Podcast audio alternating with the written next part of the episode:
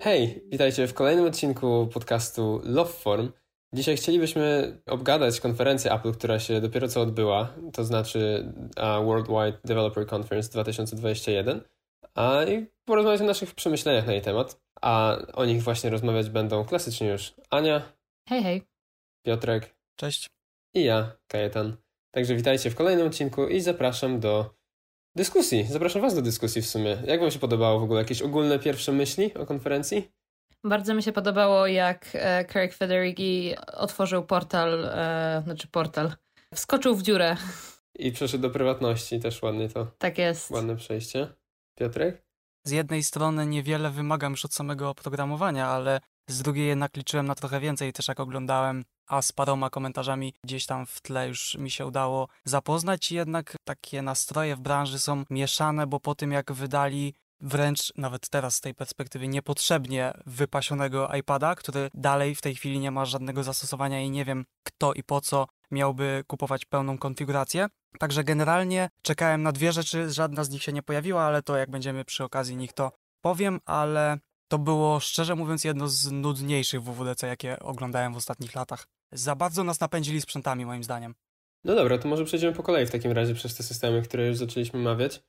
Czyli zaczynamy od iOS, tak? Znaczy to był najpierw iOS, czy w ogóle FaceTime i mm, Messages? No to jest część iOS-a właśnie, teoretycznie. Było przedstawione jako część iOS-a. Aha, okej. Okay. Myślałem, że to była jakaś osobna komunikacja czy coś, bo już mi się trochę miesza.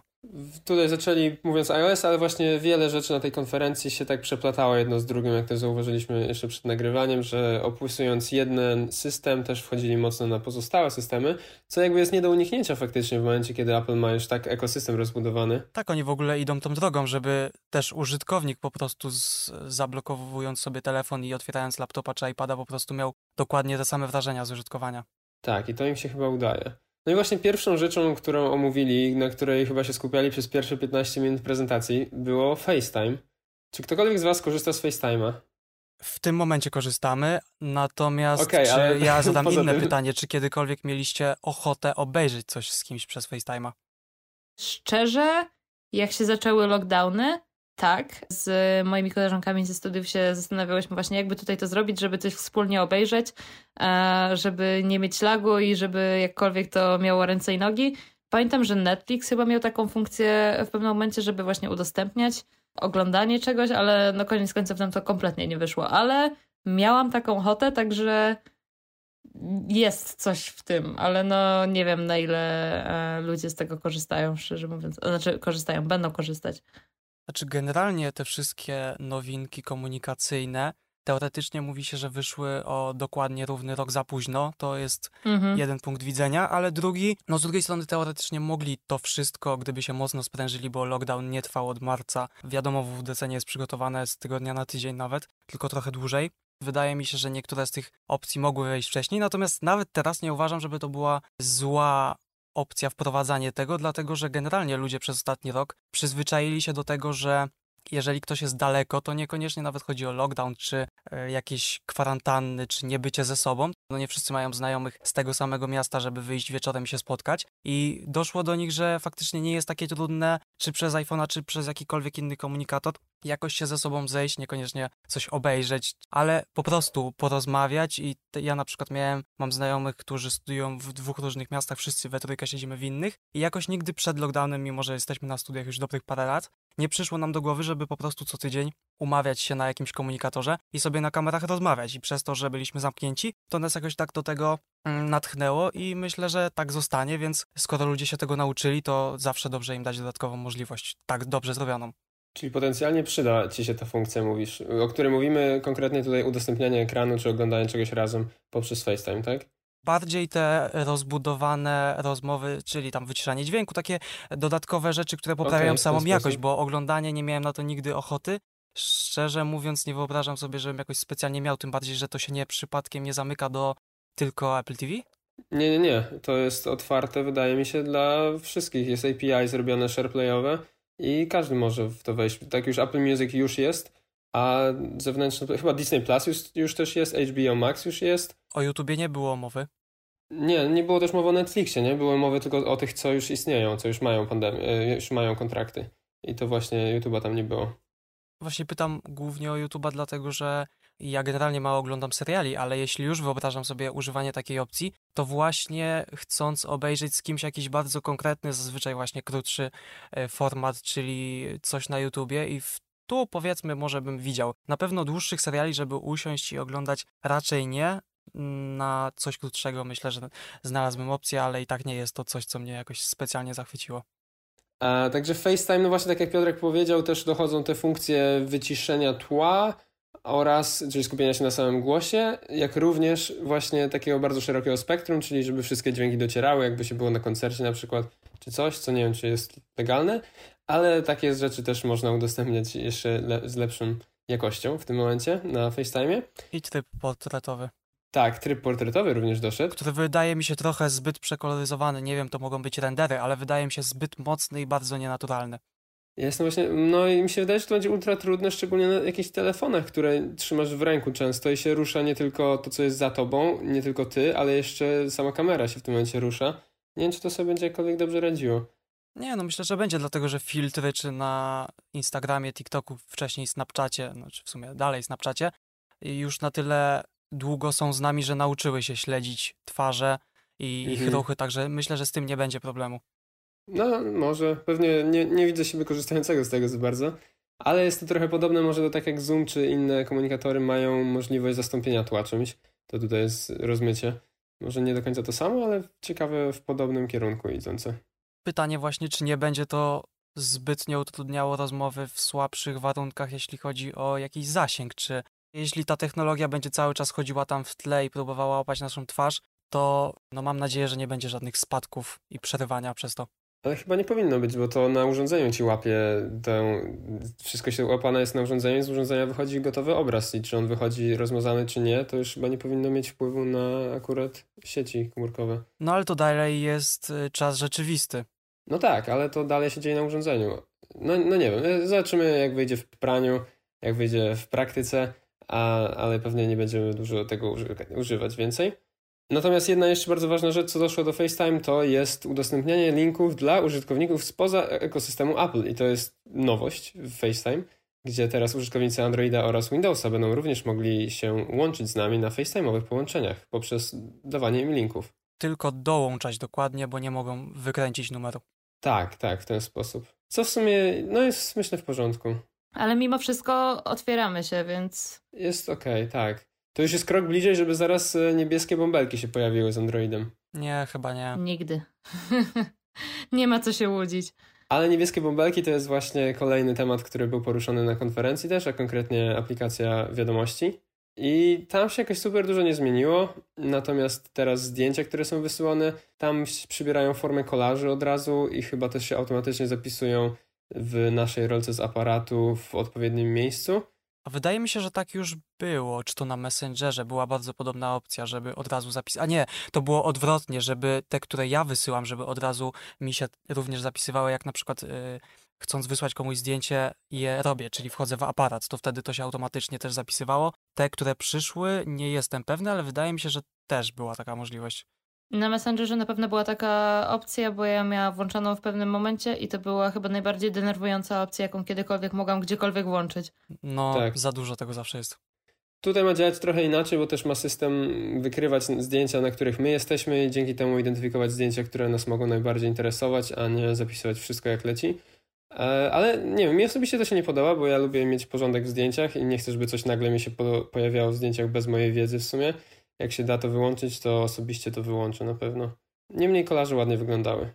To, co mi się najbardziej chyba podoba i nie wiem, czy to właśnie przy...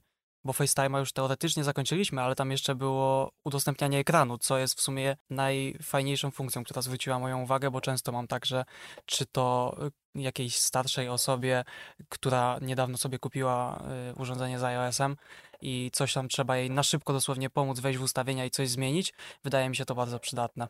To jest przydatne i no to jest konieczne chyba już teraz w FaceTime, bo wiele innych platform to ma. Czy się dzwaniamy na Messengerze, to jest ta funkcja, nawet z telefonu można e, udostępniać ekran.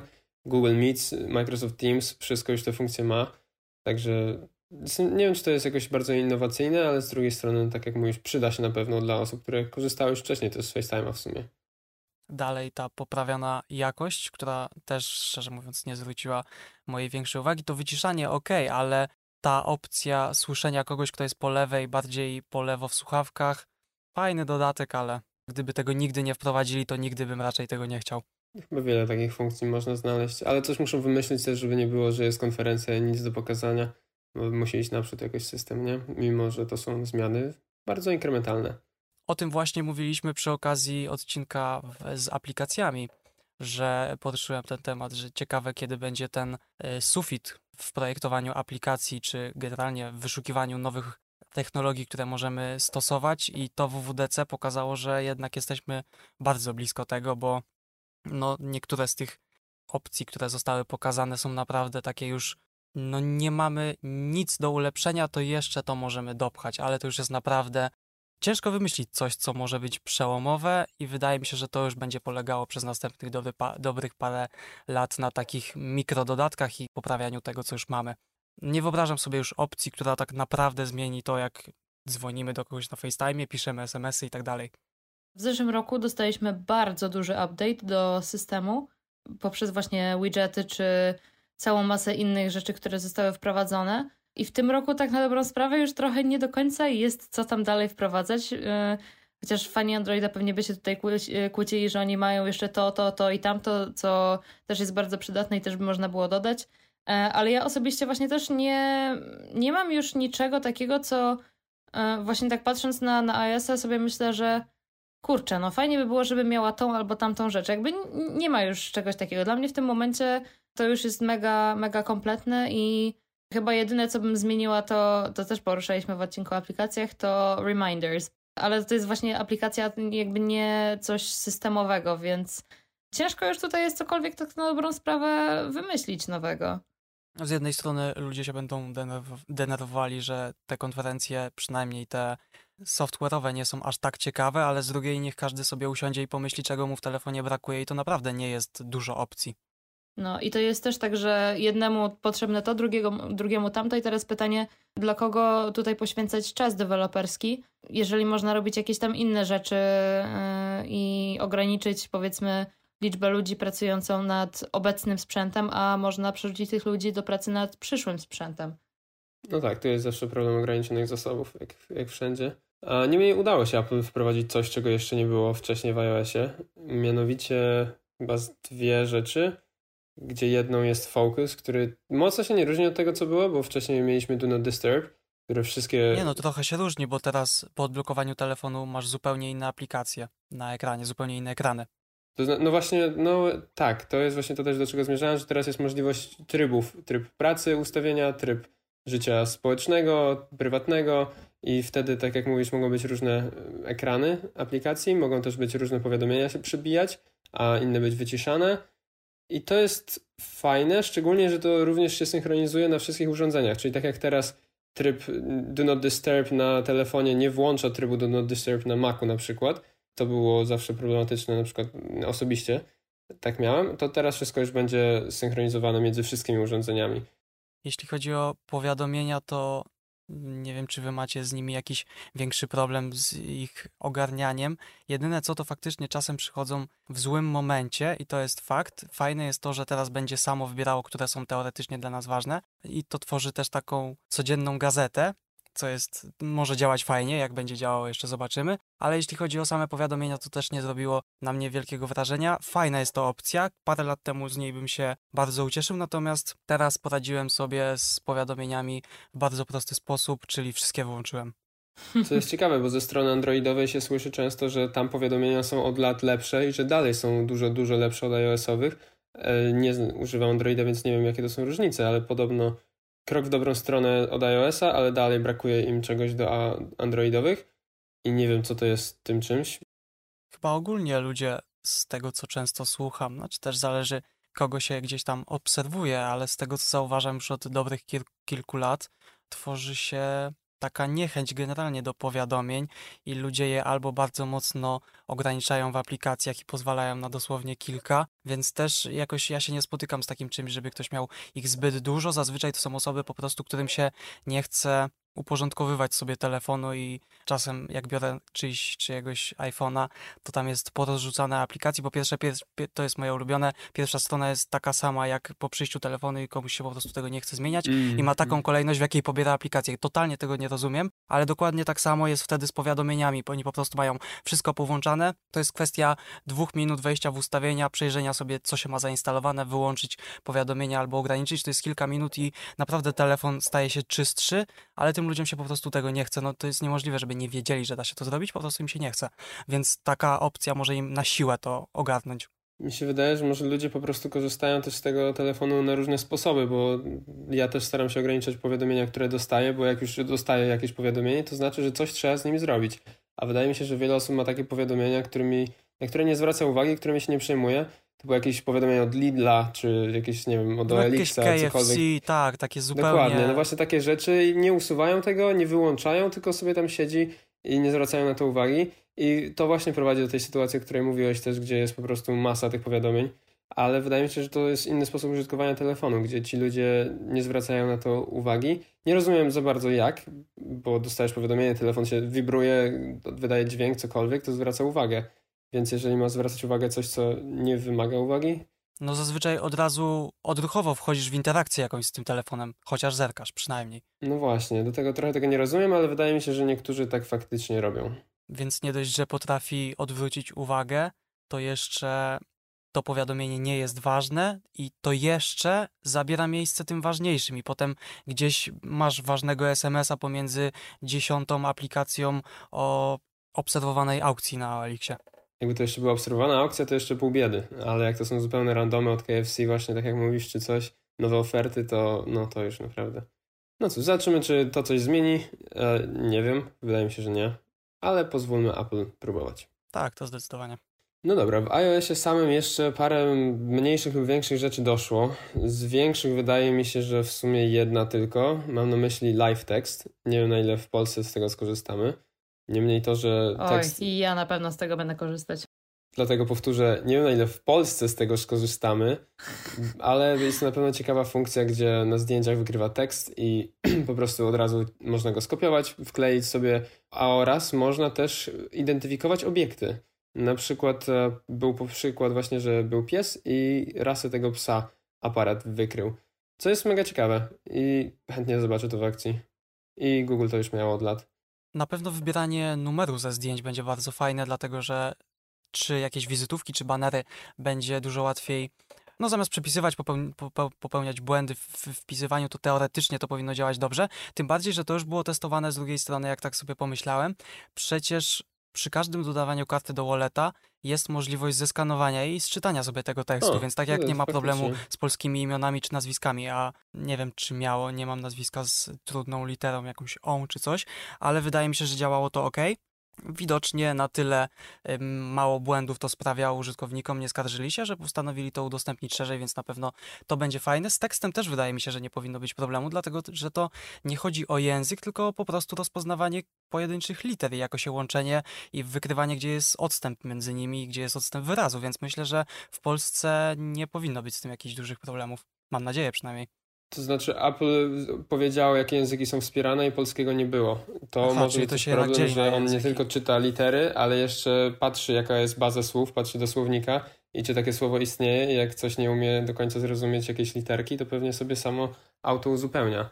A teraz w polskim nie będzie tak mógł robić, nie? bo no, nie wspiera to polskiego języka jeszcze. No ale jeśli rozpoznaje litery, no to może je połączyć w wyraz i na tyle, na ile rozpozna nam ten wyraz podrzucić, bo łatwiej go czasem wyedytować niż, niż napisać. No powiem Ci tyle, co Apple powiedziało, polski nie jest wspierany. Zobaczymy, czy będzie to działało, czy nie. Bo jest szansa, że wiesz, on zobaczy polskie słowo i będzie szukał angielskiego odpowiednika, jakieś słowo, które po angielsku wygląda podobnie. Tak jak czyta SMS-y polskie po angielsku w tej chwili. No właśnie, dokładnie, dokładnie to. To jest taka cudowna rzecz, jak moja mama mi wysyła e, SMS albo właśnie czy na, na, na, naszej konwersacji sobie czasami rozmawiamy, to jak Siri mi czyta te wiadomości, to się zastanawiam, co ona miała na myśli. Czasami są jakieś łatwe rzeczy, ale jeżeli tylko są jakieś właśnie polskie znaki albo e, takie rzeczy typu szy czy ży i tak dalej, w sensie podwójne albo potrójne, to już jest koniec. Ale dla mnie generalnie właśnie to, co oni bardzo często tam e, wspominali przy live text, czyli e, przepisy. Dla mnie to będzie tak mega ułatwienie, bo e, ja mam sporo screenshotów właśnie z przepisami w galerii i często to jest tak, że tych screenshotów jest trzy albo cztery i one są porozrzucane po całej galerii niby tam sobie dodaję do osobnych albumów i tak dalej, ale to jest, no nie, nie jest jakoś super optymalne. Jak sobie będę mogła właśnie to ładnie wszystko skopiować do notatek, z których swoją drogą bardzo dużo korzystam, to y, mi mega to ułatwi. Y, znaczy nie, nie tyle ułatwi, co powiedzmy... Usprawni. No.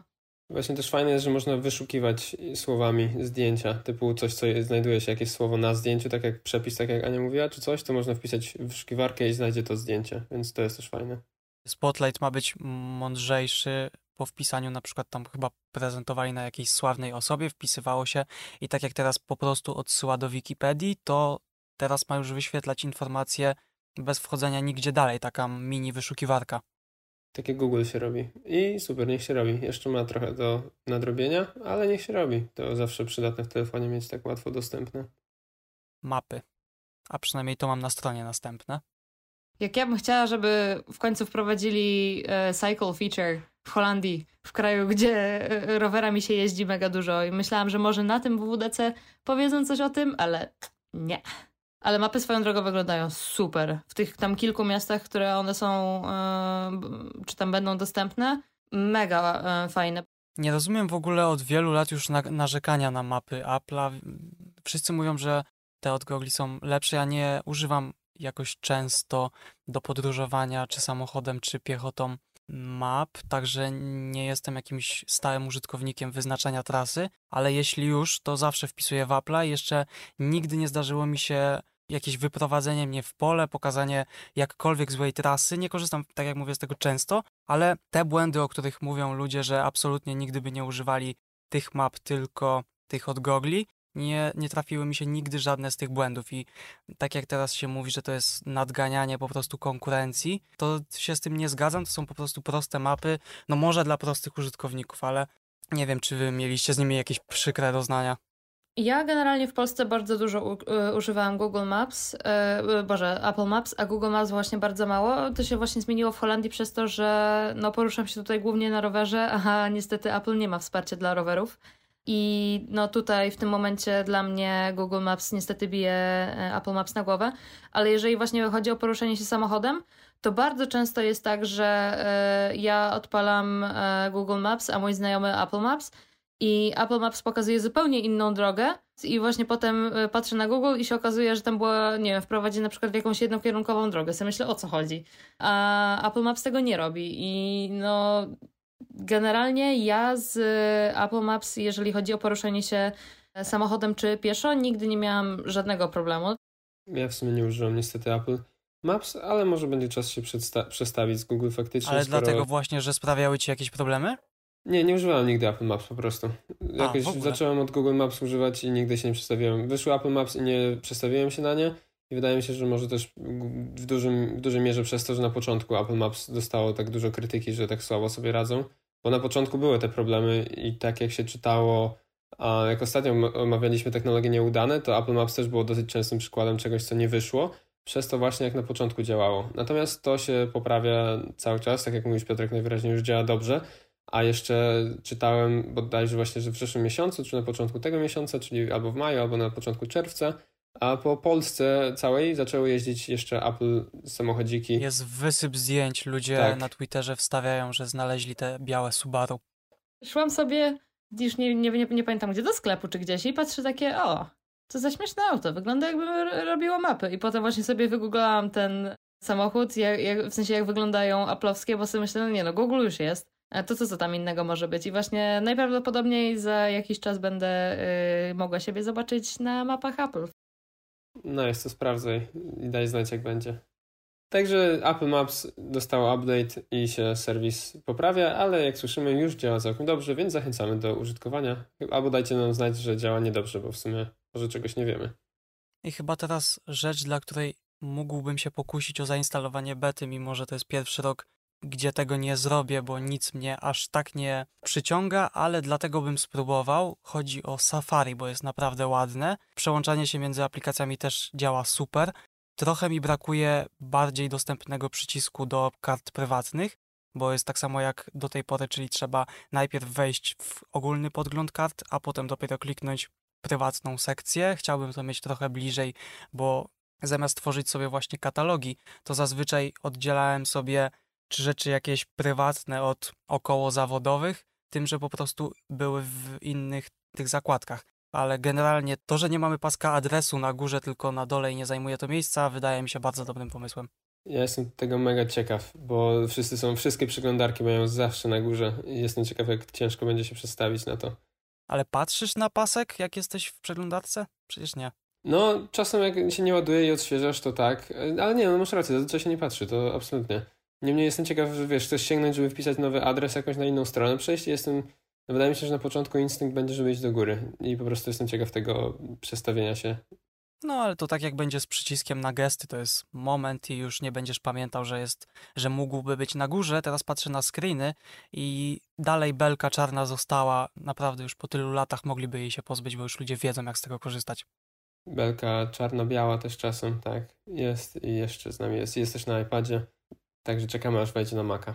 To jest jedna rzecz, która w sumie bardzo mnie uderzyła w e, całej tej konferencji, to to, że bardzo dużo tych zmian jest wprowadzonych tylko dla Stanów e, albo dla jakichś bardzo wybranych krajów, gdzie wcześniej bardzo często było tak, że w sumie coś, co było wprowadzane, to było dostępne jakby wszędzie, a teraz jest bardzo dużo rzeczy e, robionych tylko i wyłącznie pod Stany, czy, czy Apple Card, czy właśnie te zmiany w wolecie dotyczące ID, czy, czy mapy i tak dalej. Jakby to wszystko jest takie bardzo jest scentralizowane na piękny kontynent zwany Ameryką Północną. No tylko tu jest problem, że właśnie dowody osobiste czy karty kredytowe to wszystko są kwestie przepisów prawnych i myślę, że nie są w stanie po prostu tak dużo krajów naraz ogarnąć, bo każdy kraj ma swoje przepisy, szczególnie jeżeli chodzi o dowód osobisty, żeby to było uznawane przez lokalne służby, no to muszą to dogadać z tym krajem, nie mogą nagle wszystkim krajom tego otworzyć bez dogadania się wcześniej z rządami. Więc myślę, że to jest duże ograniczenie. A jeżeli chodzi o mapy, no to jest kwestia wykorzystania ograniczonych zasobów po prostu. Nie mają, znaczy no, mają mnóstwo pieniędzy, ale mimo wszystko wyrzucenie nagle samochodzików zbierających dane na wszystkie kraje świata byłoby nieopłacalne po prostu, bo nie wszędzie mają tak dużo klientów, że tego potrzebują. Myślę, że zaczynają największych rynków i potem będą szli dalej jak ze wszystkim.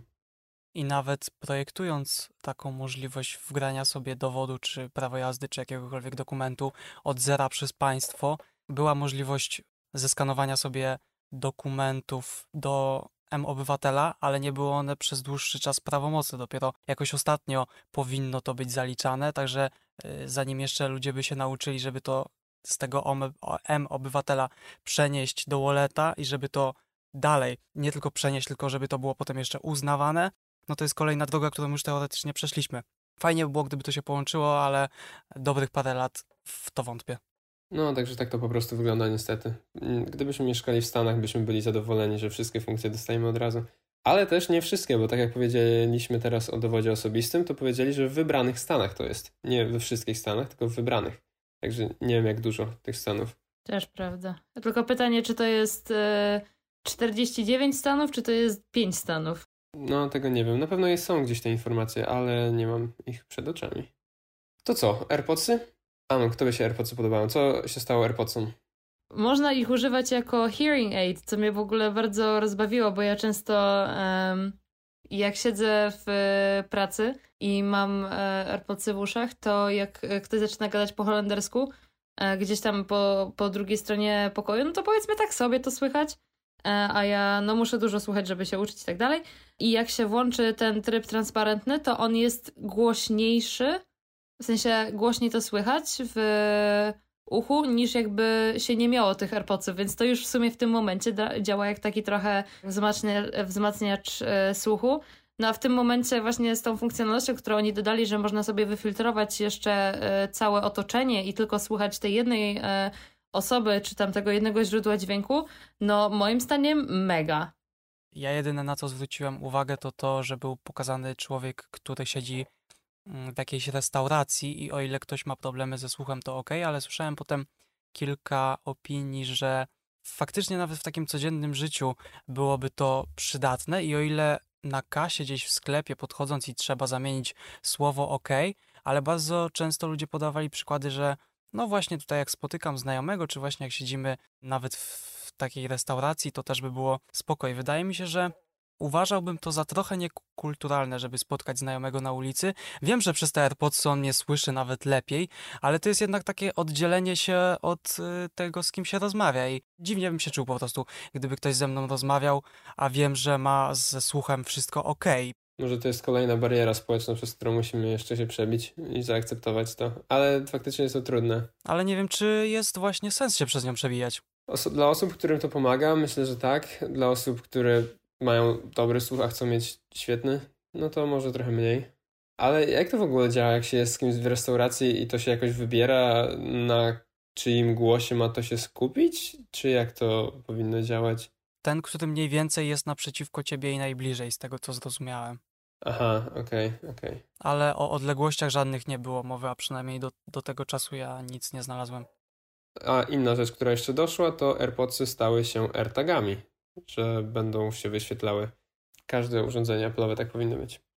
Chyba to będzie już powoli standard. Każde urządzenie, czy mniejsze, czy większe, ale nie będące same, samo w sobie urządzeniem, czyli iPad i tak dalej. Na pewno każde akcesorium już będzie to dostawało, więc AirTagi to będzie taki całkowicie do zewnętrznych rzeczy obiekcik, a wszystko, co oni będą wypuszczali, jakkolwiek elektronicznego, myślę, że już będzie miało wbudowane. Tak, i to będzie jeszcze bardziej dodawało do tego całego właśnie ekosystemu tych rzeczy, które e, się znajdują nawzajem. I tak na dobrą sprawę, tak jak e, mówiliśmy o tilesach, że tam w każdym jednym budynku jest powiedzmy jakiś tam jeden tile, to no tych urządzeń, czy to, nie, to chyba było w filmiku MKBHD. W każdym razie, e, jakby biorąc pod uwagę to, ile jest tych urządzeń od Apple'a w naszym otoczeniu, no to w tym momencie AirTagi mają tak niesamowitą przewagę nad konkurencją, jeżeli chodzi o dokładność i to, jak je znaleźć, że no trochę, trochę zgnietli wszystkich. Czekam aż wrzucą możliwość znajdowania przedmiotu do ładowarek, bo je zawsze gubię. O, świetne by było. Trzeba przyczepić AirTaga na stałe i tyle, przykleić do kostki. Nie wiem, co było dokładnie w kolejności, ale na stronie mam iCloud Plus.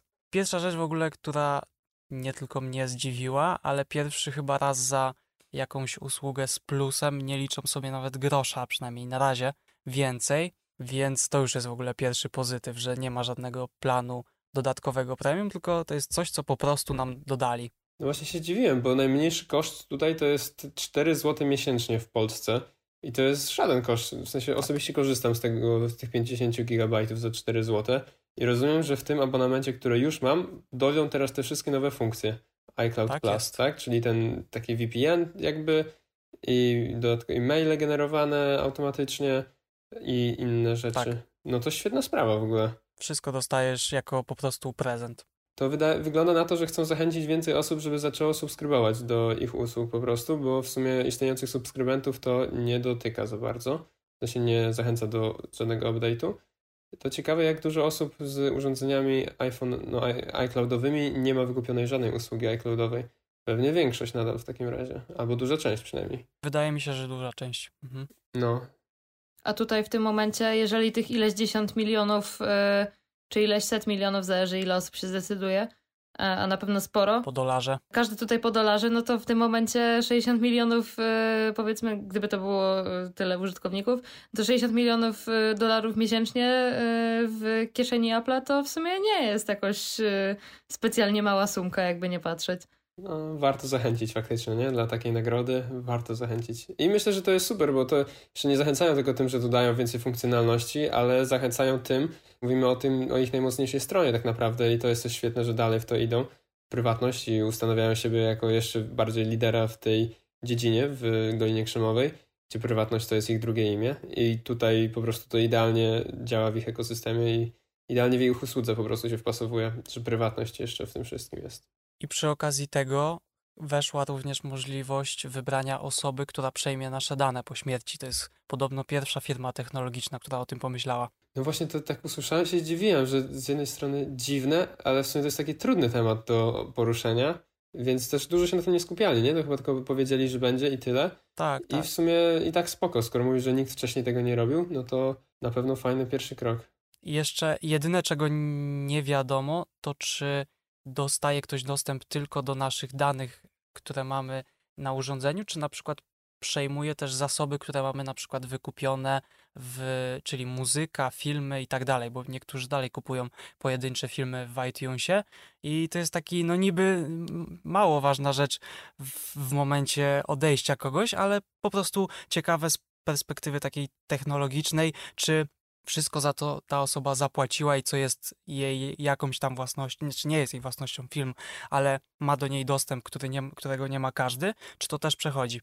Na pewno subskrypcje są anulowane wszystkie, no bo to logiczny, jedyny wybór. Ale faktycznie nie pomyślałem, że są rzeczy, które się kupuje. Są aplikacje wszystkie, za które się płaciło jednorazowo, to też prawda. Ciekawe, gdzieś pewnie da się wyczytać. Chyba iOSie już wszystko i o słuchawkach też, więc w ogóle chyba możemy otworzyć następny dział. A nie, jeszcze jedna rzecz o iOSie i generalnie o macOSie też. Bardzo mi się nie podoba w tym roku oszczędność designerska, jeśli chodzi o tapety. Są prawie identyczne, tak jak było w zeszłym roku. Coś nie poszaleli, nie chciało im się chyba przez tę przez te pandemię. No mi się nie podobają osobiście te nowe tapety akurat. Widać faktycznie jest duże nawiązanie do tych poprzednich. No kolory się zmieniły, ale sama, sama idea jest podobna i nawet zrobili animację, gdzie prezentowali mhm. macOS nowy, to po prostu stara tapeta się ruszyła i zmieniła w nową. Animacja bardzo ładna, Interpreta no nie jest tragiczna, ale nie podobają mi się bardziej niż te poprzednie. Nie, no jest ładna, tylko że po prostu taką już mieliśmy i czekamy na coś nowego. No, trochę tak. Można zostać przy Mojave na przykład, przy Big Sur. Ja siedzę na Katalinie dalej. A przejdziesz na Monterey? Nie, raczej nie. Poza tym ch chyba nie ma tapety zdjęcia, jest tylko ta grafika. Czy nie zauważyłem tego? Oh. No właśnie, nie ma zdjęcia tego obszaru. O kurde, nie, no jest tylko to zawsze było. grafika mi się wydaje. Zawsze były te e, zdjęcia, a teraz od, od zeszłego roku już... Yy... Nie, były, były. Big Sur miał. A, sorry, tak. Także to jest pierwszy rok, kiedy nie ma. Tak, teraz kojarzę. Ej, to akurat słabe, to smutne. Są ludzie, którzy lubią wynajmować helikoptery albo wybierać się na wycieczki i kopiować te tapety własnym sprzętem, więc w tym roku za bardzo nie, nie popodróżują. To, to będzie łatwo skopiować. Chwalasz Photoshopa i zrobisz sobie taką. Ja to pamiętam, że jak e, się uczyłam ilustratora, to e, rysowałam, e, jeden z pierwszych rzeczy, których narysowałam, to było iPhone 10. I właśnie pamiętam, że w moment, w którym odkryłam, jak zrobić tą tapetę, to miałam takie, a dobra, czyli po prostu przesuwam sobie randomowo gdzieś tam rzeczy, wrzucam kolorki, bum, jazda, mam zrobioną tapetę. To tu wygląda podobnie też. I, ale ciekawe, wybrali kolor fioletowy. Co jest ciekawe, wypuścili ostatnio też iPhone'a 12 fioletowego jako ulubiony kolor Steve'a Jobsa. Kolor Czy będziemy widzieć teraz przejście, no właśnie, kolor roku najwyraźniej. Chyba, że więcej jeszcze rzeczy Apple'owych przejdzie w fiolet. Fioletowy Apple Watch? Mmm. Mm. Ciekawe, jak się przyjął ten czerwony. Jakoś nie widziałem statystyk sprzedaży, bo bardzo dużo osób mówiło, że to jest no, niezbyt uniwersalny kolor gdzieś do garnituru, nawet ten czerwony ok, ale już jakiekolwiek kolorowe koszulki czy coś, to ten czerwony się potrafi gryźć, więc ciekawe, jak się sprzedaje na tle po prostu białego, czy szarego, a czarnego. Ja polecam granat, bo czerwony się nie komponuje właśnie w wielu eleganckich strojach, też za bardzo się wyróżnia. A granat jeszcze jest taki, że można go wkomponować albo po prostu się nie rzuca w oczy. A czerwień to jednak jest dobitna, mimo że czasem jest fajna. Chyba, że kolory zostawią na przykład na serię SE. Też by było ciekawe. No też I może tak czarne być. i białe na zwykłe? To mało by było. I złoty. A, i złoty. No tak jak w Pro sprzętach. No tak, też prawda. Okej, okay. i jeszcze dalej ciągnąc WWDC, kolejną rzeczą, albo nie kolejną, ale po prostu inną z zaprezentowanych rzeczy, był nowy iPadOS. Nowy iPadOS. 15? Nie wiem, nie dostał chyba numeru po prostu, co? Dostał numer w ogóle? A jest, iPadOS 15. 15, okej. Okay. 15, 15. No, mhm. i to było miejsce, gdzie chyba oczekiwaliśmy najwięcej zmian, a natomiast dostaliśmy ich, no najmniej tak naprawdę. To, czego brakowało wszystkim w zasadzie, a już na pewno wszystkim, którzy oglądali się za iPadami z M1, to było zarządzanie plikami, czyli to, o czym w zasadzie mówiliśmy w odcinku o iPadzie. Mam jeden pomysł, co mogli z tym zrobić. Oczywiście daleko mi do jakiegokolwiek projektanta i doradzania, co ma robić Apple ze swoimi systemami. Ale ponieważ na to ludzie czekali, pomyślałem sobie, co tak naprawdę mogłoby ich ucieszyć. I poza oczywiście pełnoprawnymi aplikacjami, programami w zasadzie już dużymi jak Final Cut, na które ludzie bardzo czekali i to był wyznacznik tego, czy kupią te sprzęty i na razie tego nie robią, to łączy się bardzo z tym, o czym mówiłem, czego mi brakuje generalnie z całej tej konferencji. To były właśnie dwie rzeczy: zarządzania plikami w iPadzie i widgety bardziej użyteczne, czyli takie, które możemy przewijać, coś tam wybrać, zmienić troszeczkę też kształt i połączyłem sobie te dwie rzeczy, czyli fakt średniej, jak na tę chwilę dla nowych użytkowników, niezrozumiałego sterowania plikami, które mają na swoim iPadzie, a chcieliby, żeby to było zbliżone do komputera, to gdyby otworzyli widgety dla firm trzecich, pozwolili, żeby one, tak jak mówię, mogły trochę więcej niż po prostu wyświetlać jakąś informację i być skrótem do aplikacji, to gdyby była możliwość na przykład stworzenia czy postawienia sobie widgetu, który ma pliki, są te od filesów, ale one są też dość podstawowe. Tak jak mamy biurka na macOSie, gdybyśmy, i tego brakuje użytkownikom iPadów, czego raczej nie wprowadzą, a przynajmniej na razie się na to nie zapowiada i przy tak małych zmianach jeszcze na to długo poczekamy, ale gdyby takie biurka małe, to były osobne widgety i stawiamy na przykład jeden widget z jakimiś typem plików, konkretnym naszym folderem, obok inny z jakimś innym folderem i mogąc palcem, czy pensilem, czy kursorem, czymkolwiek przenieść plik z jednego widgeta na drugi i to się faktycznie przeniesie do tego folderu. I tutaj to jest ta rzecz, którą musieliby jeszcze do tych widgetów stworzyć, czyli skategoryzowany dostęp do wszystkich plików pozasystemowych, bo tego nam nie dadzą, ale żeby było coś takiego jak Finder na iPadzie, do tego otwarte widgety, które ten Finder mogą wy, wyświetlać, do tego to, co mamy w macOSie, czyli przerzucanie sobie plików bez konfiguracji myszką, o tym zaraz będziemy mówili, między ekranami, po prostu stojące urządzenia obok siebie, to myślę, że to by już bardzo mocno zadowoliło przyszłych albo już obecnych użytkowników iPadów, którzy chcą być jeszcze bardziej iPad only albo zbierają się do tego, ale na tę chwilę nie mają takiej możliwości, więc dodanie pełnoprawnych aplikacji, programów, co się na pewno zbliża, ale gdyby jeszcze wymyślili biurka na iPadOS-a, to by w zasadzie już było wszystko. No i te skategoryzowane pliki, do których jest dostęp nie przez aplikację zdjęcia, oczywiście to też dla podstawowych użytkowników, ale może jakaś rozszerzona aplikacja, czy coś zbudowane w SEMie. Oni są najlepszą firmą na świecie, która, mogą, która może to zrobić, dlatego że macOS to jest urządzenie, które odpala dziecko albo emeryt i po kilku minutach wie, jak się tego używa. Tak samo ma być z iPad OS-em, więc nie może to być bardzo skomplikowane, ale oni na pewno wiedzą, jak to zrobić, żeby można było z tych systemów wyciągać bardzo dużo, ale dla podstawowych użytkowników, żeby to było bardzo proste i czytelne.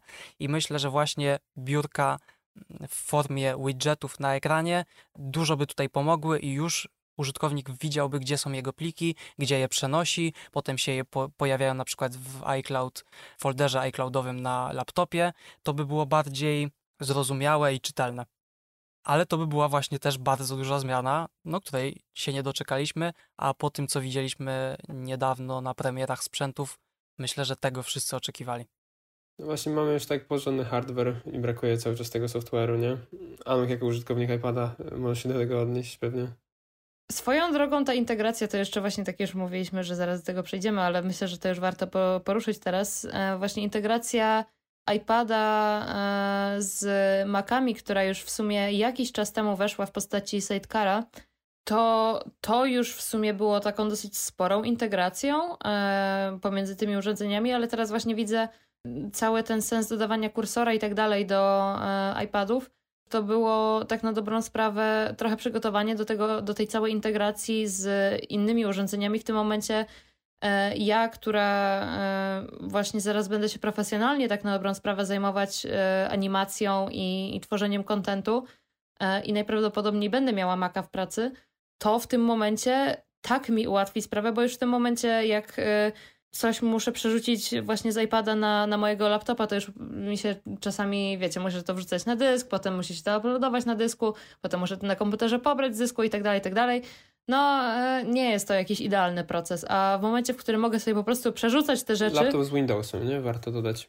E, tak, tak, tak, tak. Ja mam e, Windowsa, e, laptopa na Windowsie. A w momencie, w którym właśnie ja nawet nie będę musiała używać AirDropa, tylko będę mogła sobie po prostu przerzucać te rzeczy, bo one w magiczny sposób e, aplowski, kiedy są blisko siebie, będą się łączyć, no to to jest dla mnie naprawdę magia już w tym momencie, że to nie jest coś, co ja muszę teraz e, kliknąć, ok, połącz, pyk, pyk, pyk, E, chyba, że coś ominęłam, ale generalnie wyglądało to tak, jakby Craig po prostu wziął, postawił tego iPada i puk. Nie, stawiasz i Bez jest. konfiguracji. No i właśnie to jest to, że to po prostu ni nic nie trzeba łączyć, żadnych kabli, niczego i po prostu to jest takie wszystko smooth. Jedyne nad czym się zastanawiali niektórzy to skąd on wie z której strony stoi iPad.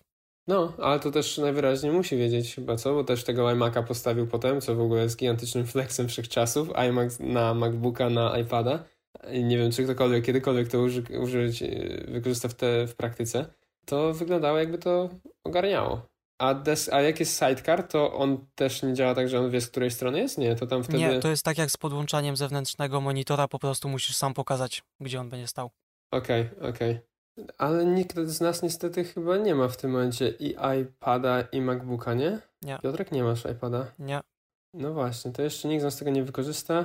Myślałem, że ten system mnie skusi, ale nie ma takiej możliwości. Jedyne co widzę, to kolejne fajne podobieństwa do macOSa, czyli coś typu Launchpad, czyli dostęp do App Library z, z doka, plus Quick Notes, czyli taki trochę zalążek aktywnych narożników, które też znamy z macOSa. Właśnie te Quick Notes to jest fajna rzecz, ale dla mnie myślę najważniejszą tutaj zmianą taką funkcjonalną będzie to, że y, można po pierwsze zapamiętywać te aplikacje, które były y, ze sobą y, otworzone, to jedna rzecz, ale druga to jest to, że, że z doka będzie można wybrać dowolną aplikację, bo często się łapię na tym, że chcę coś otworzyć, a patrzę, kurczę, nie mam tego na doku, muszę wyjść z aplikacji, otworzyć, żeby y, mi to weszło na doku i wtedy dopiero jakby otwierać sobie tam te aplikacje. A teraz w tym momencie właśnie ta funkcjonalność, którą oni wbudowali w iPadOSie 15 jest mega ułatwiająca wszystko tak na dobrą sprawę. To jak to właśnie tam odjeżdża sobie na bok, można pyk, pyk, wszystko ładnie wybrać, chcę zamknąć aplikację, jazda nie ma, biorę następną, już E, bez żadnego takiego właśnie cackania się niepotrzebnego z tym. Także tutaj bardzo się cieszę z tego usprawnienia, bo wiem, że na pewno będę z tego mega dużo korzystać. Ja tak patrząc na tą prezentację iPadOS-a zastanawiałem się, że coraz bardziej kusząco wygląda iPad Pro z 2018 roku. A, i to jest trochę smutne. Bardzo polecam. Tak, tak. Za rok może jak wyjdzie iPad ten 11-calowy z mini LED czy micro LED i wyjdzie dobry iPadOS, to może to będzie ten moment. Ale na razie chyba jeszcze dużo się nie zmieniło. Ciekawe, czy w następnych latach będziemy obserwowali kolejne aplikacje, które można wykorzystywać w technologii Quick. Czyli nie dość, że po prostu kolejne narożniki, to jeszcze na przykład szybki SMS, nie wiem, szybki, szybka wyszukiwarka, dosłownie w, w danym momencie, w sekundę chcesz coś sprawdzić, no nie wiem, jakieś udostępnianie plików, też na przykład ostatnio pobrane rzeczy do, do wyszerowania. Jest parę takich zastosowań. Oczywiście to wszystko mamy w skrótach, ale i tak taki narożnik byłby szybszy. Technologia Quick brzmi dobrze. Myślę, że to się może przyjąć. Tutaj jakby już wszedł właśnie też trochę integracji z macOSem, a przynajmniej tego systemu obsługi plików, to taki folder downloads, tak jak jest na MacBooku, kiedy możesz zawsze w dół po prostu zjechać i mieć dostęp do pobranych plików bo cały ci się bar wysuwa, to może na iPadzie też tak będzie z jakiegoś narożnika. A jeszcze jedna rzecz, która była poruszona przy iPadzie, która chyba się do niego nie ogranicza, mam nadzieję.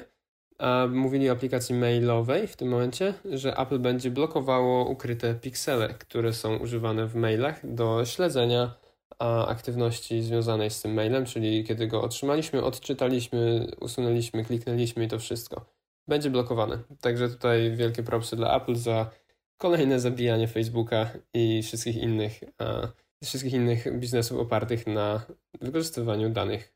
Zbliża się kryzys cen za reklamy targetowane i to wszystko przez Apple'a.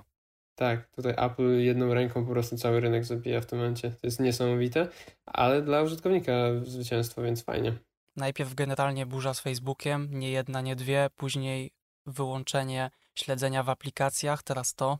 I jeszcze jedna rzecz właśnie też była przy tym powiedziane, wyłączenie śledzenia w aplikacjach to raz, a teraz jest również, tak jak było w Safari, było Website Privacy Report, że można było zobaczyć, co strona wykorzystuje, to będzie Apps Privacy Report. I o tym nie było jakoś super głośno, jestem ciekaw, czy to jest nie aż tak dużo, jak mi się wydaje, czy faktycznie po prostu to będzie się więcej o tym słyszało w przyszłości, ale wydaje się, że tak powiedzieli, że będą pokazywało, czego aplikacja faktycznie używa, jakich twoich danych, bo tak jak ten prompt pyta, czy chcesz, jakby to jest ask app not to track, czyli poproś aplikację, żeby nie trackowała cię, a tutaj taki report będzie dostarczał no, prawdziwe dane, czy trakuje, czy nie trakuje, jak często ma dostęp aplikacja do kamery, do mikrofonu, do danych z GPS-a i z tego wszystkiego. Będzie bardzo chętnie to zobaczę w akcji i jestem ciekaw, jak się będzie teraz a, różniło to, co aplikacja mówi, że zbiera, a to, co faktycznie zbiera, bo w końcu będzie taki klarowny dostęp dla użytkowników do tych informacji. Ja jestem też ciekawy, jak się do tego ustosunkują użytkownicy Androida, który, którzy być może zaczną też tego wymagać.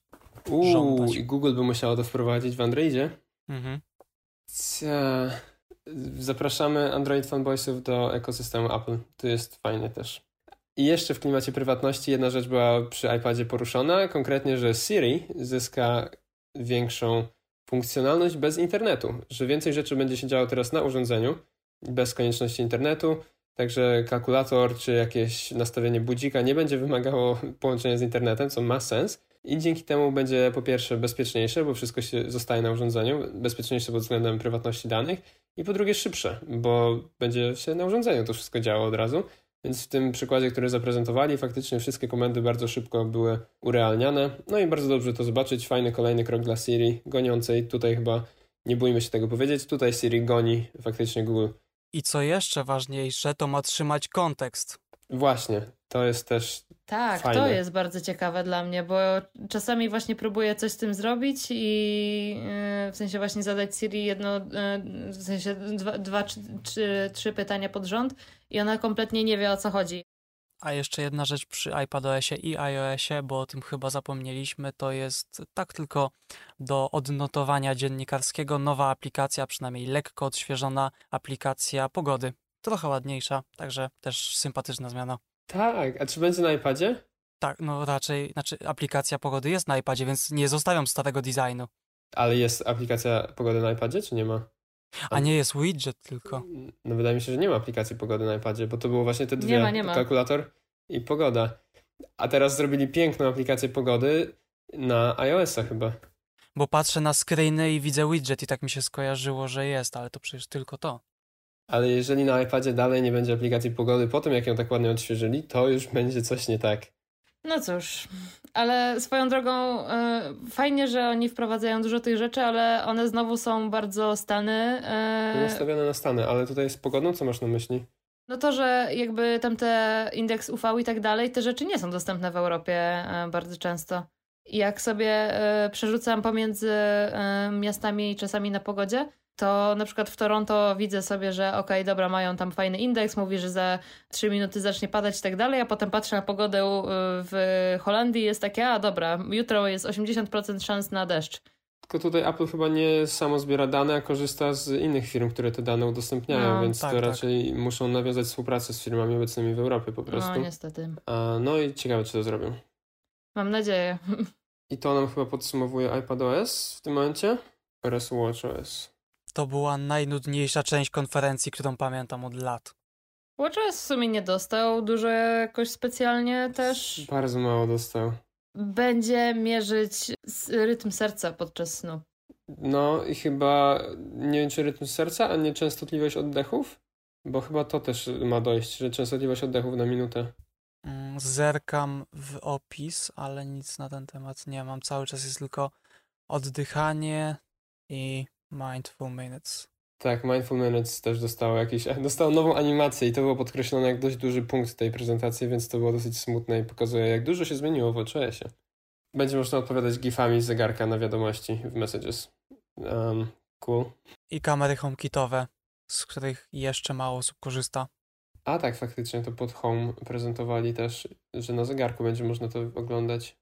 Znaczy fajnie zawsze po prostu zerknąć, jest to bliższa informacja, jeśli się ma oczywiście kamery HomeKitowe. Chociaż one są już tanie, z tego co wiem, firma, nie no nie przypomnę sobie jak się nazywa, ale ci, którzy się interesują HomeKitem na pewno będą wiedzieli, 250 zł. No to nie tak źle. Także to jest naprawdę próg wejścia dość mały. A bezpieczeństwo dość duże, tym bardziej jeżeli teraz możemy na zegarku widzieć, co się dzieje.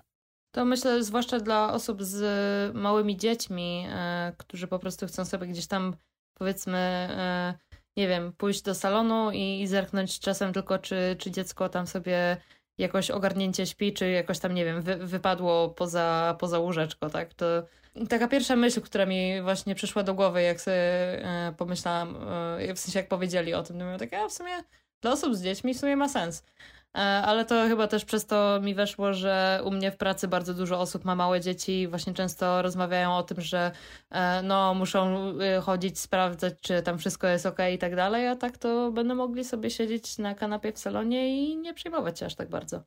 I jeszcze jedna informacja o zegarku, która zdziwiła niektórych, czyli fakt, że jedną z najbardziej popularnych tarcz jest zdjęcie. I nie wiem, czy znacie kogokolwiek, kto używa właśnie tej, czyli jakieś swoje zdjęcie z, z zegarkiem, bo dodali teraz funkcję, znaczy opcję tej takiej paralaksy między osobą a czasem. E, ta, taka przestrzeń między tłem a pierwszym planem osobą, a między zegarkiem, tak.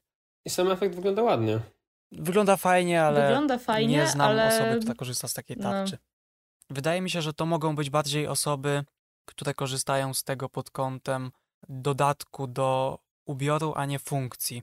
Nie korzystają zupełnie z jakichś tam wbudowanych rzeczy, tylko to jest po prostu element garderoby, modny całkiem i wtedy Też sobie ustawiasz zdjęcie, nie wiem, męża, gór, psa i wtedy zawsze to jakoś może ładnie wygląda. Także pewnie, a takich osób jest y, być może w społeczności użytkowników Apple Watchy większość, nawet bym zaryzykował stwierdzeniu, że ludzie jednak nie korzystają, bo bardzo często jak słucham jakichś rozmów o Apple Watchu, to bardzo rzadko się zdarza, żeby ktoś mówił, tak, co chwila wchodzę w jakąś aplikację, tutaj w menu, tylko zazwyczaj to jest e, po prostu czas. Nikt nawet nie wie, że jest coś takiego jak lista aplikacji, a nie grid, przy czym w grid też w ogóle nie wchodzą, albo mają jakiś skrót prosty do właśnie, właśnie na infografię. No ja z grida osobiście korzystam tylko jeżeli Siri właśnie zaśpi i nie włączy mi timera, ewentualnie żeby sprawdzić sobie heart rate bez robienia EKG. To są takie jedyne moje momenty, w których ja wchodzę w grida, bo po prostu mam jedną, jedno oczko za mało na e, infografię, żeby włożyć tam jeszcze e, heart rate, ale no. Ale zamiast grida można też użytkować doku, po prostu w doku ustawić sobie nie ostatnie aplikacje ulubione i mieć zawsze to samo w tym samym miejscu i ja na przykład stamtąd odpalam timer jak Siri zamówi i EKG również i wszystko jest zawsze w tym samym miejscu a na gridzie jest trochę za dużo ikonek. No. To z WatchOS-a chyba tyle. Został nam do omówienia jeszcze tylko macOS. macOS Monterey, konkretnie mówiąc. Najbardziej podoba mi się w tym nazwa. Nazwa fajna jest, nie lepsza niż Big Sur. Zdecydowanie. To się ciężko kłócić. Ale w sumie właśnie tak już jak wspominaliśmy, to bardzo mocno się przeplatały te rzeczy. W sumie te rzeczy, które weszły do macOSa, to one też w sumie dotyczą się innych rzeczy typu właśnie FaceTime na przykład? Czy przy okazji właśnie pokazania macOSa nie dowiedzieliśmy się, że w iOSie będzie nowe Safari? Tak. tak, tak, tak, właśnie wtedy. No bo Safari było na macOSie i powiedzieli potem, że i na iPadzie, i na iPhone'ie też to samo będzie. No, dlatego to właśnie wszystko się tak dosyć mocno przeplata i w sumie ja na tej części macOSowej w sumie e, się jakoś bardzo nie skupiłam, no bo ja nie jestem użytkownikiem macOSa, więc mnie to jakoś specjalnie nie dotyczy. E, jedynie właśnie ta pierwsza, pierwsza prezentacja z przełączaniem się pomiędzy urządzeniami. Universal to control. po prostu mhm. ja tylko siedziałam z taką otwartą szczęką. Świetne, bo i trackpad i klawiatura działa, więc jakby tak, wszystko właśnie to jest no, jak, to, jak z iPada na no. przykład teraz, ale 2.18. Widzisz, wiedzą, wiedzą co robią, kurczę, no. Tak, absolutnie, absolutnie. Tylko nie mam do tego use case'a, także dalej nie kupię iPada pewnie. Czy ty, Kajetan, używasz wielu zakładek w Safari? zakładek jako bookmarków, żeby zapisać coś i potem wchodzić? Nie, otwartych stron. Um, naraz nie, staram się nie mieć. Ta, nigdy nie mam tak, że sprowadza mi się do Favicona, tylko zawsze jeszcze się mieszczą całe napisy, więc chyba nie jest aż tak dużo ich. Bo spotykam się z bardzo dużą ilością osób, która ma problem generalnie z Safari przez to, że po odpaleniu typu 70 albo 100 stron Ojej, no. się to tnie i nie rozumiem takich ludzi z dwóch powodów. Po pierwsze, ciężko mi było odnaleźć faktycznie to, czego potrzebuję. Pewnie mają na to jakieś skróty albo jakkolwiek to rozwiązują i wiedzą, w co wejść. Nie, często szukają chyba po prostu przez dłuższy czas. Po drugie też nie rozumiem, co to mogą być za strony, które muszą być zawsze otwarte, a nie mogą to być właśnie skróty. I jeszcze jedna rzecz, to jest jak już y, kiedyś próbowałem z tego korzystać, że na siłę nie zamykałem kart, bo ok, następnym razem jak będę chciał otworzyć jakąś stronę, to będzie otwarta i będę miał pod palcem. Oczywiście i tak zapominam, którym miejscu ona leży pomiędzy którymi zakładkami, ale nie o tym rzecz. Ja bardzo często zamykam aplikację Command Q, o, żeby tak. naprawdę się Świetna zamknęły, a nie żeby je pseudo zminimalizować i z Safari często robię to samo i lubię nie mieć kart i nie mieć syfu w, w przeglądarce, tylko odpalić sobie świeżą kartę, w co chcę wejść, to wejdę, a naprawdę bardzo dużo osób których gdzieś tam podcasty słucham, mówi, że to było problematyczne i to rozwiązanie katalogów, które teraz będzie w Safari, ratuje im życie i wręcz sprawia, że z y, Chroma wracają, a przynajmniej będą próbowali.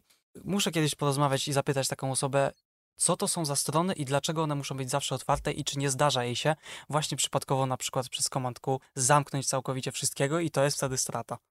Mi się podobają te nowe zakładki pod tym względem, że można jakieś rzeczy, które często się używa razem, czyli na przykład kilka stron, które często jedną się potrzebuje, żeby używać drugiej czy trzeciej, ale to nie tak, żeby mieć zawsze, tylko na przykład jak codziennie raz się w to wchodzi, to można jednym guzikiem odpalić trzy strony teraz, no to na to spoko, ale nie żeby mieć przez cały dzień to odpalone, bo no tak jak też mówiłeś, ja też używam na przykład skrótów klawiszowych i jeżeli też do zmian kart, jak mi coś wyjdzie już poniżej, powyżej Ctrl e, Command 4, to już się zaczynam gubić, więc tak jak już jest 5, 6, 7 kart, to już jest za dużo, bo po prostu klawiszami łatwo się jeszcze przerzucać, jak jest ich mniej. A takie ilości, o których ty mówiłeś, to dla mnie są niewyobrażalne. Niemniej dużo użytkowników Chroma na pewno też tak ma, bo no Chrome w miarę sobie z tym radzi, ale wydaje mi się to niepraktyczne dosyć. Ale zastanawia mnie cała ta ideologia i sposób użytkowania potem tego sprawny jakkolwiek. Nie zdarza mi się praktycznie nigdy mieć więcej niż pięć kart, jak tak sobie teraz pomyślę. No, ja też się podpisuję pod tym. Też mniej więcej właśnie pięć to jest to miejsce. No ale to jest jedna z tych rzeczy, która podobno tych użytkowników ma zaprosić z powrotem na Safari, więc oby. Zapraszamy. Też jest Zawsze to bezpieczniejsza przeglądarka. Dokładnie. I jest szybka jest, jakby nie, nie można narzekać chyba za bardzo. Tak, zdecydowanie. Na prędkość jest zupełnie w porządku. I teraz ładnie też mi się w redesignie podoba to, że bar ten na górze na Macu będzie się dopasowywał pod kolor strony. Co jest e, miłym dodatkiem. I to nie jest tylko, że białe, czarne, tylko czerwone, zielone, co tam potrzeba, żeby była jedna wielka strona. Po prostu bardzo estetycznie to będzie wyglądało. Tak jak w Finderze były takie półprzezroczyste foldery, to tak samo, które wykrywały to, jaka jest ustawiona tapeta i trochę ją blurowały, co też wyglądało bardzo ładnie. No i lecimy dalej z tym efektem w kolejne aplikacje. I dobrze, ładnie wygląda, także czekamy aż na wszystkie urządzenia nam teraz Safari tak będzie wyglądało. Na Macu podoba mi się jeszcze jedna funkcja, która dołączyła, AirPlay na Maca, w szczególności, że można z telefonu coś otworzyć na Macu. To jest o tyle fajne, że tak jak na przykład nie mając Smart TV, to zawsze jak chcę coś podłączyć i obejrzeć na telewizorze, to muszę podłączyć Maca kablem i to się sprowadza do tego, że wtedy muszę to odpalić na Macu. A na przykład, nie wiem, aplikacji Netflixa nie ma na Macu, aplikacji YouTube'a nie ma na Macu, jest strona internetowa. W wersji M1 chyba są. Aplikacja? No, wszystkie aplikacje z App Store'a muszą być przepisane na Maca, więc... Ale nie ma w App Store aplikacji a Netflixa jest. No, w App Store iOS-owym jest, jest. Ale w Macu nie wiem. Nie wiem, to jest ciekawe swoją drogą. Musiało być przepisane, a przynajmniej jak niektórzy już nawet paczkomaty otwierają makiem. Co? tak? tak się da? Wow. Są, takie, są takie osoby. No zgrywasz po prostu aplikację w wersji na Maca i otwórz zdalnie jesteś z laptopem przy, przy skrzynce. Niesamowite. Chciałabym kiedyś coś takiego zobaczyć, szczerze mówiąc. W praktyce, no jak ktoś inny to robi najlepiej. Okej, okay, śmieszne. Ale AirPlay na Maca może być fajne, też na przykład co dali, że Maki mają teraz i dobre wyświetlacze, i dobre głośniki, także w sumie oglądanie kontentu w łatwy sposób z iPhone'a na Maca bardzo na plus. Zgadza się, teraz jestem właśnie na etapie wymiany dość leciwego telewizora i zdecydowałem się, żeby nie przepłacać, bo to ma być po prostu monitor na jeden z tańszych modeli, ale po prostu z tym smartem, jednym z tych nowszych i bawię się przez ostatnie dwa dni AirPlayem. Fakt, że mogę usiąść sobie na kanapie i odpalić cały ekran iPhone'a na telewizorze albo wyświetlić sobie zdjęcia, filmy, nawet grę odpaliłem i działało to przymykając jedno oko w miarę płynnie, ale kiedyś chciałem obejrzeć coś, co miałem na przeglądarce na telefonie, musiałem podłączyć przez kabel telefon do laptopa, odpalić QuickTime'a, zrzucić sobie ekran z telefonu i laptopa podłączyć do telewizora, co wyglądało źle i trwało. No właśnie, straszne. Tak, wyglądało to idiotycznie i działało jeszcze gorzej, bo opóźnienia były chore, a w tej chwili jest to wszystko na jedno kliknięcie w nawet bardzo tanim telewizorze, więc dobrze, że ten AirPlay się tak rozszedł i to, że teraz faktycznie będzie na Macu i będzie można sobie zrzucić ekran, to myślę, że do takiego przeglądania internetu siedząc w salonie, super. I do Maca jeszcze jedna rzecz, która przychodzi, to będą shortcuty Siri. Co, jak to usłyszałem na początku... Zamiast automatora. To właśnie, jak to usłyszałem na początku się mega ucieszyłem, o super, na iPhone'ie fajnie się sprawdzają, na Maca też będą fajne, a potem usłyszałem i czegoś tam sobie przypomniałem, że w sumie jest coś takiego jak automator, o którym powiedziałeś na Macu. Nigdy z tego nie korzystałem. Ja próbowałem się nauczyć, ale... Znaczy jakoś to szło, ale nie widziałem też zastosowań. Dokładnie tak samo jak skróty na iOS-a. No właśnie, z jednej strony podobało mi się, że shortcuty będą, a z drugiej strony już ta sama funkcjonalność istnieje w automatorze i nie wykorzystałem, więc nie wiem na ile się nie cieszę z niczego w sumie. Nie wiem, czy jeszcze jakieś opcje tutaj, znaczy na pewno było, bo jeszcze State of the Union, więc na pewno coś było, ale na pewno nic nie przykuło super mojej uwagi, a już na pewno nie tak, żeby instalować ten system nawet w publicznej becie od razu i psuć sobie niektóre programy, pewnie które nie będą wspierane przez chwilę. Jedna rzecz, co jeszcze chciałbym dopowiedzieć w sumie, to jak Safari, wracając do Safari tematu na iPhone'ie, teraz Safari na iPhone'ie będzie wspierało y, pluginy, extensions, dodatki, co jest ciekawe w sumie, bo dużo, znaczy nie, nie używam jakoś dużo w Safari, bo Safari niestety nie ma za dużo dostępnych, w szczególności w porównaniu z Google Chrome'em, e, gdzie jest tam Wszystkie są tam dostępne dodatki. W zasadzie wszystko, co się A na Safari no. takie rzeczy jak, no właśnie, a teraz na Safari jest trochę mniej tego, ale jeżeli będzie dostępne na telefonie, to w sumie ciekawe. Ja chętnie to zobaczę, jak to działa i czy to nie będzie jakoś też wpływało negatywnie na performance, bo często te dodatki są też jakoś wymagające. Na przykład, czy AdBlocka można sobie teraz na Safari w telefonie używać? Najwyraźniej chyba tak. Wydaje mi się, że tak. Ej, to by było w sumie spoko. No właśnie. To by było tak po prostu w tym momencie, bo nie wiem, jak często czytacie jakieś artykuły na telefonie, ale czytanie jakichkolwiek artykułów ze stron, na których się nie ma subskrypcji, to jest po prostu męczarnia, bo to jest tak na dobrą sprawę 20% tekstu, 80% reklam. Jeszcze te reklamy często wyskakują gdzieś tam z dołu, z boku, jak się przewija. Newsletter. Newsletter, jakieś inne tego typu rzeczy. I to jest po prostu no, denerwujące i męczące. Ale to jest chyba jedyny dodatek, który by mi przyszedł do głowy. Nie wiem, czy Kajetan używasz czegoś jeszcze. Ja mam jeszcze LastPass, bo jest też Aha, extension no tak. w Safari, ale to na iPhone'ie no, nie będzie potrzebne, bo można, jest autozupełnianie po prostu i tak e, przez iCloud Keychain też. Honey, ale to za często się nie sprawdza i Grammarly w sumie używam, tylko że na Safari nie będę nic pisał raczej z telefonu, więc no przede wszystkim AdBlock. Ja jednak wolę mieć czystą przeglądarkę. No może ten adblock mnie skusi, ale nie lubię tych wszystkich dodatków, tak jak patrzę czasem, jak niektórzy mają zaprogramowane właśnie chromy, gdzie cały pasek różnych przedziwnych ustawień mają do wyboru. O, mi się jeszcze jedna rzecz podoba, którą chętnie przywołam. To było pod koniec już w tej części bardziej dla deweloperów prezentowane, gdzie omówili funkcję Object Capture, która będzie umożliwiała bardzo łatwe robienie modeli 3D i wyglądało to świetnie gdzie robi się zdjęcia telefonem jakiegoś obiektu z każdej strony po prostu i następnie program, nie pamiętam jakiego programu tam użyli, ale wrzucając to w ten program można e, mieć model 3D gotowy bardzo łatwo. I to jest mega fajne. Nie wiem, czy sam będę tworzył modele, ale trochę mam, nam, mam nadzieję, że dzięki temu spopularyzuje się jeszcze wykorzystywanie modeli w czy to w sklepach online, często tak jak Apple na swojej stronie ma, że można te produkty typu Mac Pro Albo postawić Ikea. sobie w pokoju albo IKEA to może jeszcze więcej takich modeli będzie dostępnych do użytkowania w rozszerzonej rzeczywistości. Więc e, fajnie, że coś takiego rozwijają, bo na pewno wielu deweloperów się z tego ucieszy. Ja na pewno się z tego bardzo cieszę, bo e, właśnie jako osoba, która będzie tworzyć content e, 3D, naprawdę może mi mega ułatwić pracę, bo nie będę musiała wszystkiego e, modelować jakby od zera, tylko będę mogła nawet wziąć po prostu jakiś e, e, obiekt, który już istnieje, tak? I na nim nanieść tylko jakieś drobne poprawki, więc jeżeli to będzie e, naprawdę tak fajnie działało, to no mi może mega dużo czasu oszczędzić. Bawiłem się czymś takim, robiąc kilka zdjęć w szkole filmowej. Był taki program Photoscan, czy dalej jest, ale wtedy miałem z nim styczność. Wystarczyło zrobić, oczywiście im więcej, tym lepiej, ale kilka zdjęć z każdej strony po prostu telefonem jakiegoś obiektu, czy nawet miejsca.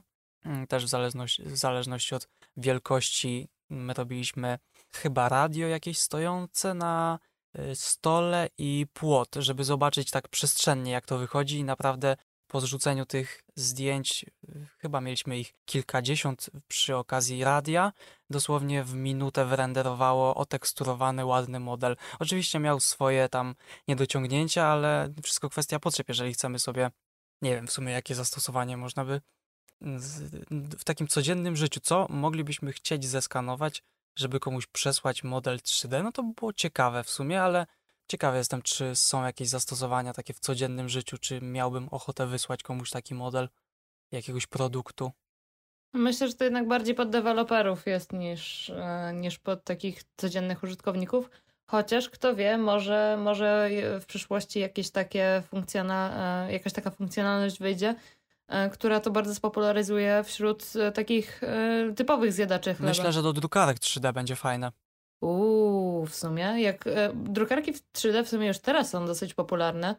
One nadal są drogie, ale to nie jest już jakby na tyle drogie, że tylko duże firmy są w stanie sobie na nie pozwolić, tylko znam osobiście parę osób, które po prostu mają drukarki 3D w domu i na przykład ja tak drukują samo. sobie, nie wiem, foremki do ciastek żeby wycinać jakieś w konkretnych kształtach, czy coś tego typu. No, no takie i... bardzo proste domowe pomoce, narzędzia często, znaczy no narzędzia, takie jakieś zaślepki czy coś takiego, to się bardzo dobrze przyjęło.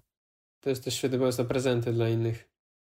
No więc do tego faktycznie zastosowanie by się może znalazło. Trzeba było to oczywiście jeszcze umieć potem wrzucić w program odpowiedni, ale kwestia nauki. Na pewno będzie prościej.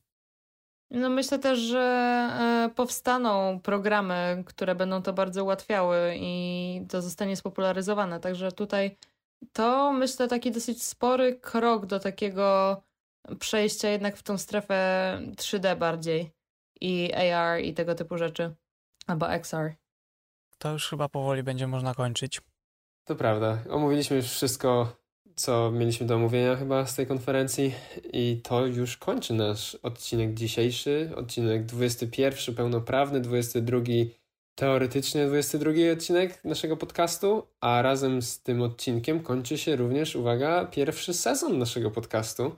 Także dziękujemy Wam wszystkim serdecznie, drodzy słuchacze, że byliście z nami przez ten jakże piękny i rozwijający sezon. Mam nadzieję, że coś ciekawego z niego wynieśliście. Jeżeli tak, to zapraszamy Was na sezon drugi, bo odbędzie się. Mm, teraz robimy po prostu przerwę sobie na wakacje, tak żebyśmy wszyscy mogli odpocząć od tego.